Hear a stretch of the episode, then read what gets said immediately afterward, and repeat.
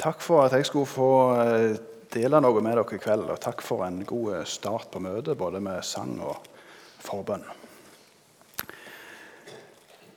Jeg heter Helge, sånn som det ble sagt. Jeg er med i det som vi kaller for Forsamlingsrådet her i Salem.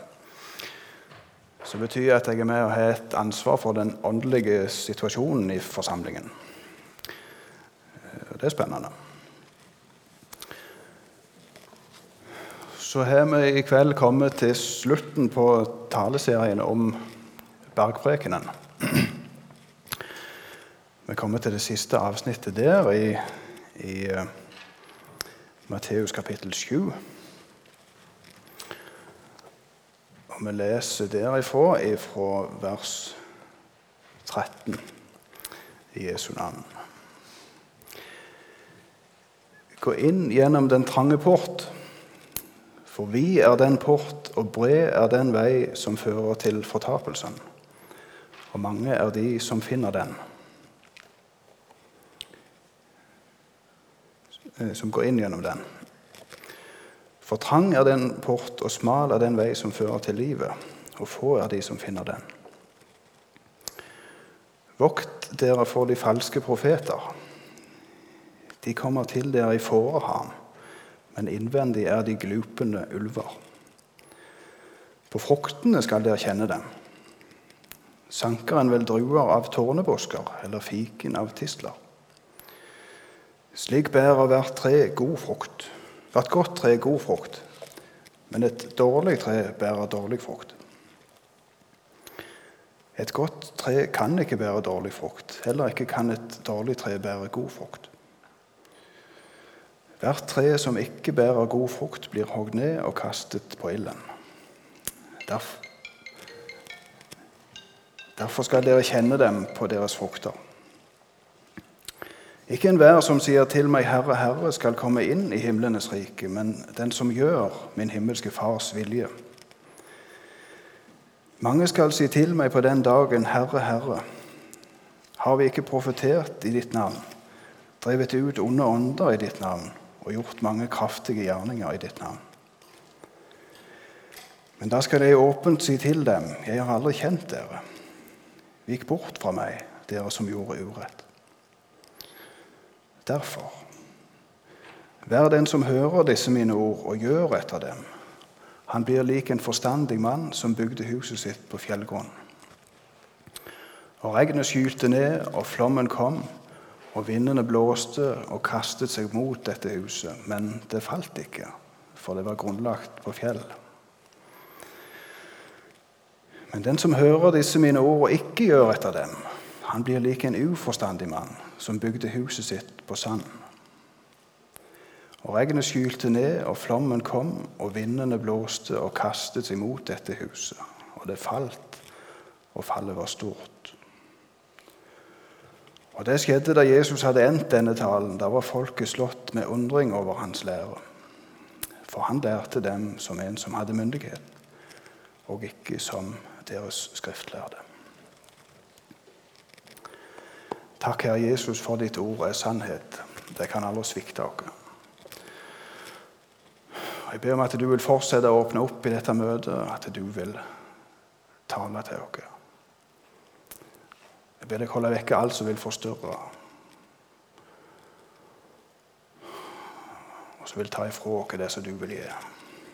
Amen. Jeg har sett som overskrift i dag 'På trygg grunn'. Jeg tenkte at jeg kunne oppsummere noe av det som det handler om her. I denne teksten. Å komme seg på fast grunn og holde seg der. Jeg har sett for meg et, et, et, skjær som jeg tenkte på, med, med en, en jernbolt i. At en kunne komme seg oppå der og holde seg fast. Mens strøm og sjø vil dra oss av sted. Jesus sa det til menigheten i Philadelphia. Hold fast på det du har. For at ingen skal ta din krone. Det er én side av saken. Og En annen side er at han sier 'jeg slipper deg ikke og svikter deg ikke'. Så det er ikke bare vi som heller.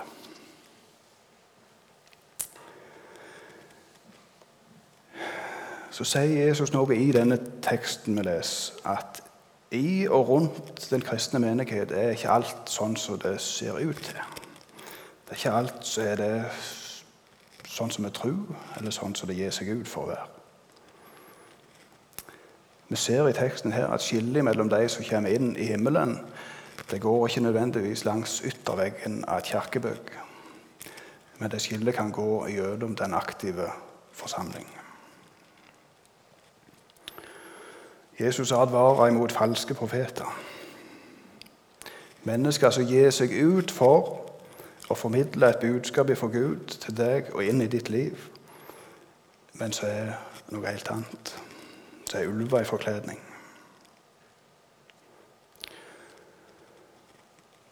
Og Så slutter han med en illustrasjon som kan hjelpe oss å forstå litt hva han snakker om og ønsker å få fram.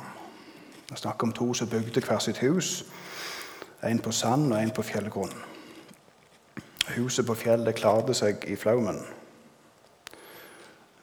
Og det leder dere til et spørsmål om hva er det vi har bygd tro og liv på.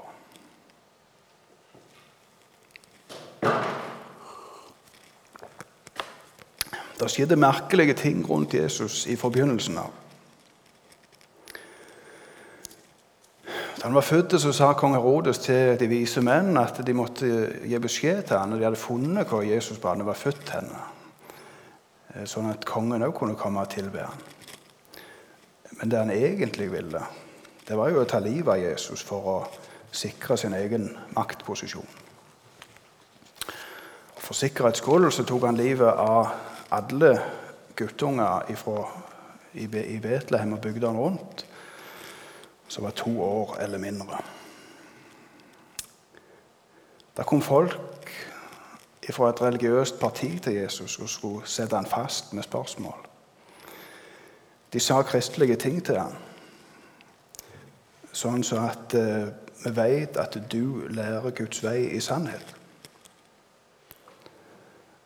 Men det står at Jesus merket deres ondskap. Det var en av Jesu disipler som forrådte ham. Og det var ypperste prestene i Guds tempel som fikk han arrestert. Og det som endte med at han ble korsfesta. I forbegynnelsen til slutten av hans liv på jorda var det misforståelser, falskhet og selvbedrag rundt Jesus. Han gjennomskua det. Han forsto hva det var. Han forsto hvor det kom ifra. Sannheten er at Jesus møtte motstand.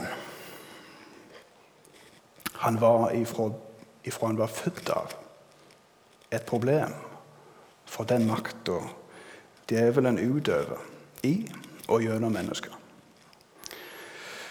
Enten det var i form av en ondskapsfull konge,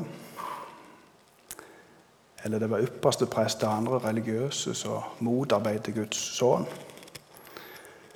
eller det var i mennesker som holdt nede av vonde ånder og av skam over det livet de levde. Jesus kom for å sette mennesker i frihet, for å løse lenker. Han beseirer alt det vonde. Han avvæpner makten og myndighetene. Han soner all verdens synd. Han åpna veien til himmelen. Og han ga alle de som tok imot han, rett til å bli Guds barn. Men det skjedde ikke uten kamp. Og han forutså at noe av den forvirringen og motstanden han møtte, ville det fylle den kristne menighet. Og Det snakker han om i Matteus kapittel 7.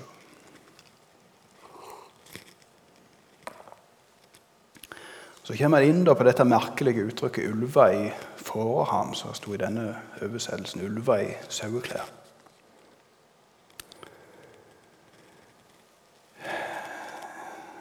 Jeg vet ikke om dere ser for dere en saueflokk etter at ulven har vært der. Jeg har ikke opplevd det, heldigvis, men jeg har sett bilder av det og sett det på nyheter. Jeg ser for meg de ligger strødde rundt. Noen er døde.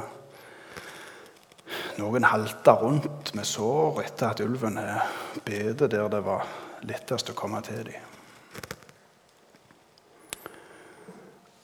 Noen ser du gjerne ikke sår på, men de står der sprengte og utsletne etter å ha blitt jagd. En ulv i ulveklær, ulvepels, er jo farlig nok, men du vet iallfall hvor det er som møter deg. En ulv i forkledning, derimot, i saueklær, det er en trussel på et annet nivå. Jesus bruker han også gjennomgående sauer og lam som bilder på sin menighet. Det forteller oss at poenget med dette uttrykket, ulv i saueklær, det må være å si at ulvene i saueklær er personer som gir seg ut for hver en av oss. En kristen bror og en kristen søster. Men som egentlig er ute etter å skade og fremme sin egen sak, sine egne behov eller en ond agenda.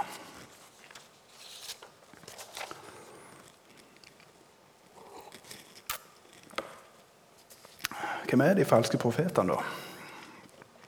Er det liberale biskoper? De er nok en del av kategorien, men de er ikke alene. Vi kan tenke oss forskjellige varianter. Du er de som åpenlyst sier, forkynner eller lærer noe som er i strid med Bibelen. Det kan være noe som er med ekteskap å gjøre, for å nevne et aktuelt tema. Samliv før ekteskap, samliv mellom personer av samme kjønn. Det blir sagt og lært mye løye om det spørsmålet i dag. Og De som står fram er igjen læreren det som er Bibelen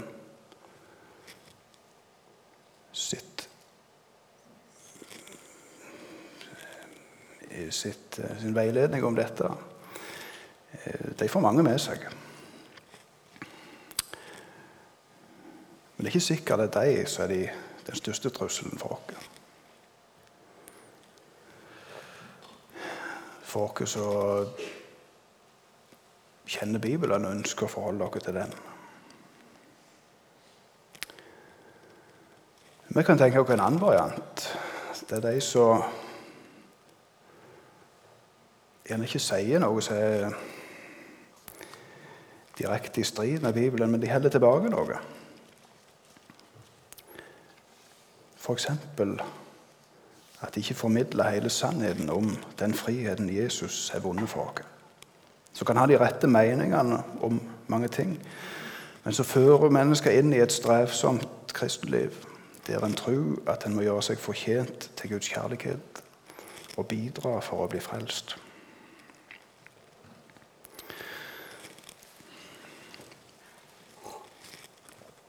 Jesus forteller om en sønn som reiste hjemmefra med arven sin før faren var død. Han vaste vekk alt før han kom til seg sjøl. Da ble han så radikalt omvendt at han så for seg at når han kom hjem til faren, så skulle han være tjener, og ikke sønn lenger.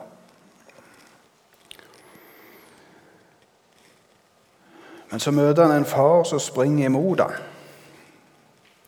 Han blir kledd i det fineste som var i huset. Det blir fest og glede. Og faren kaller han sin sønn, uavhengig av det som hadde hendt. Tenk om den bortkomne sønnen på vei hjem møtte noen som sa jeg ser at du vil ta et oppgjør med det du har gjort feil i livet. Kom her, så skal jeg sette deg i tjeneste. Så skal du få ofre noe. Tenk hvor tungt det hadde blitt, og tenk han hadde gått glipp av.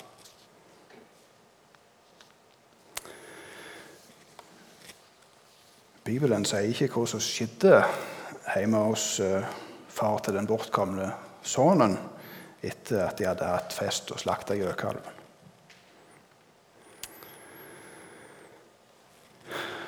Men det er ikke utenkelig at sønnen f.eks. gikk i fjosen neste morgen. Ikke fordi at han måtte gjøre opp for seg, Ikke fordi at han måtte være tjener, men fordi at han var sønn og var fri til å bidra i faren sin virksomhet. Ser du forskjellen? Jeg håper ikke din tjeneste er avbetaling på frelsen, for det er ikke nødvendig. Bibelen sier at Jesus er utsletta skyldbrevet imot dere, som var skrevet med bud da han nagla dette korset. Du er fri til å være Guds barn.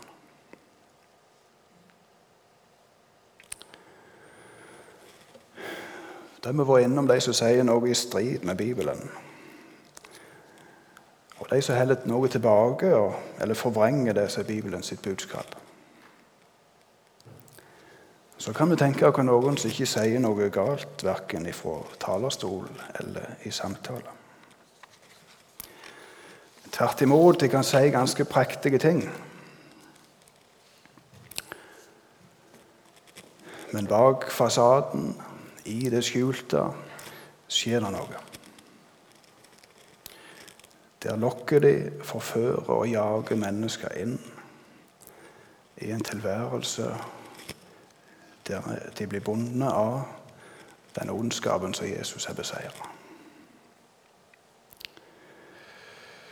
På frukten skal de kjenne det, sier Jesus.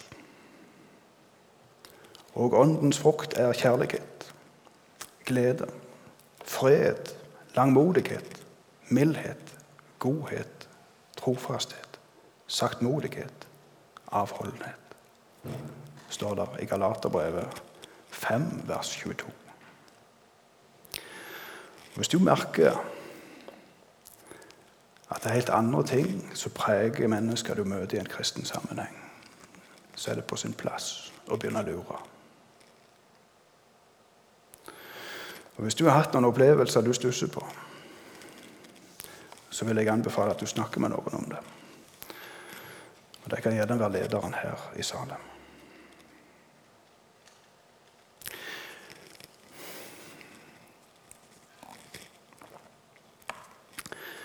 Det kan høres dystert ut, dette med å være omgitt av ulver i forkledning.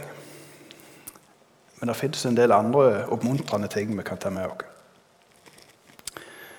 Det står i Matteus kapittel 1 om at Jesus skulle kalles Immanuel, som betyr 'med oss er Gud'. Han kalte seg den gode hyrde. Og å være klar over at det fins farer, kan være med på å samle oss og føre oss nærmere Han. Så har jeg tenkt på den andre verdenskrig tok slutt i Norge. Det skjedde fordi det var vunnet en seier i Tyskland. Det gjerne sitter på film. Russerne som rykte inn i Berlin, der Hitler hadde sin bunker. I Norge samtidig var det fullt av tyske soldater. Men likevel så feirte folk her friheten, seieren, samtidig som de var litt på vakt. Og da kronprins Olav, som han var da, kom til Oslo og ble kjørt rundt i byen, så satt det vakter i bilen med maskinpistol. I tilfelle det var noen som ville ta han. Men han satte seg oppå kalesjen bak på bilen, sånn at folk skulle se han. Og vite at seieren var et faktum, tross de farene som fortsatt trua tross alt det vonde folk hadde opplevd i fem år med krig og undertrykkelse. Så skal vi få løfte blikket og se på Jesus, han som er seierherren. Troens opphavsmann og fullender, veldig Gud, evig far og fredsførste.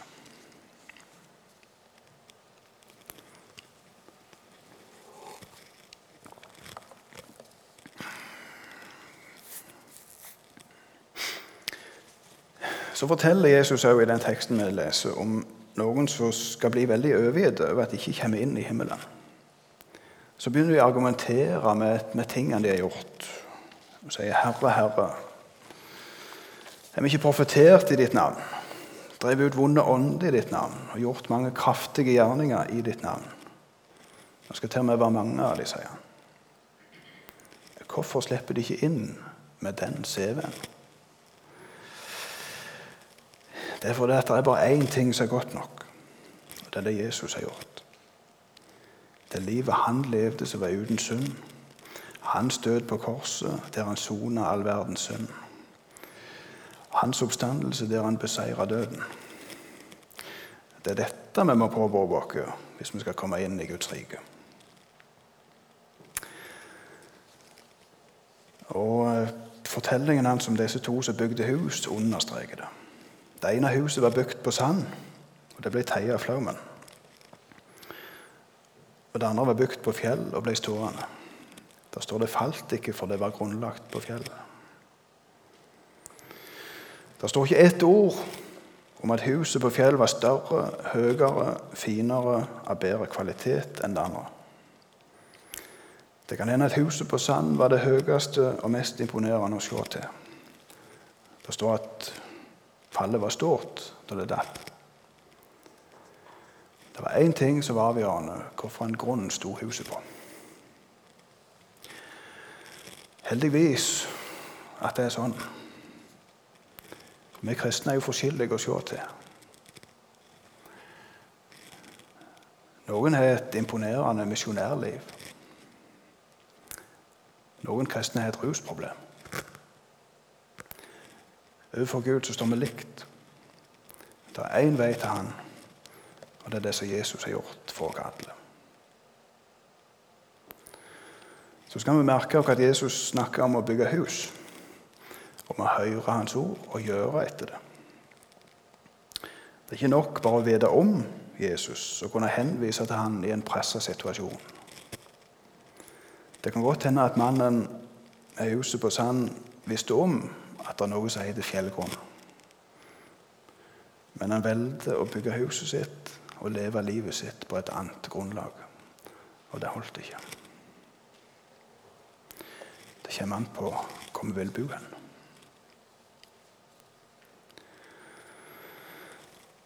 Så sier Jesus trang er den port, og smal er den vei som fører til livet, og få er de som finner den. Hvorfor det?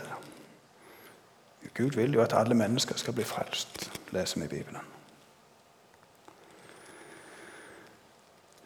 At få finner porten, kan ha noe med å gjøre at det kan være vanskelig å gi avkall på sitt eget og bygge helt og fullt på fjellgrunn. Porten er trang, men den er åpen, og det er plass til deg i den. Men det er ikke den posisjonen du vil gå inn i Guds rike med. Eller de galne tingene du har lyst til å drive med på si. En av de øverste lederne iblant jødene kom til Jesus på natta og snakket med han, og fikk beskjed om at du må bli født på ny. Og Hans respons var at ja, men det kan jeg jo ikke få til. Nei, Gud må gjøre det. Gud må gjøre deg til et lite barn skape et nytt liv i deg. Så fikk Nikodemus Anette med seg det bibelverset som oppsummerer evangeliet. Så er Guds kraft til frelse, som kan skape tro og nytt liv. Og så er fast fjellgrunn å bygge på. For så har Gud elsket verden, at han gav sin sønn, den enbårne, for at hver den som tror på ham, ikke skal fortapes, men ha evig liv.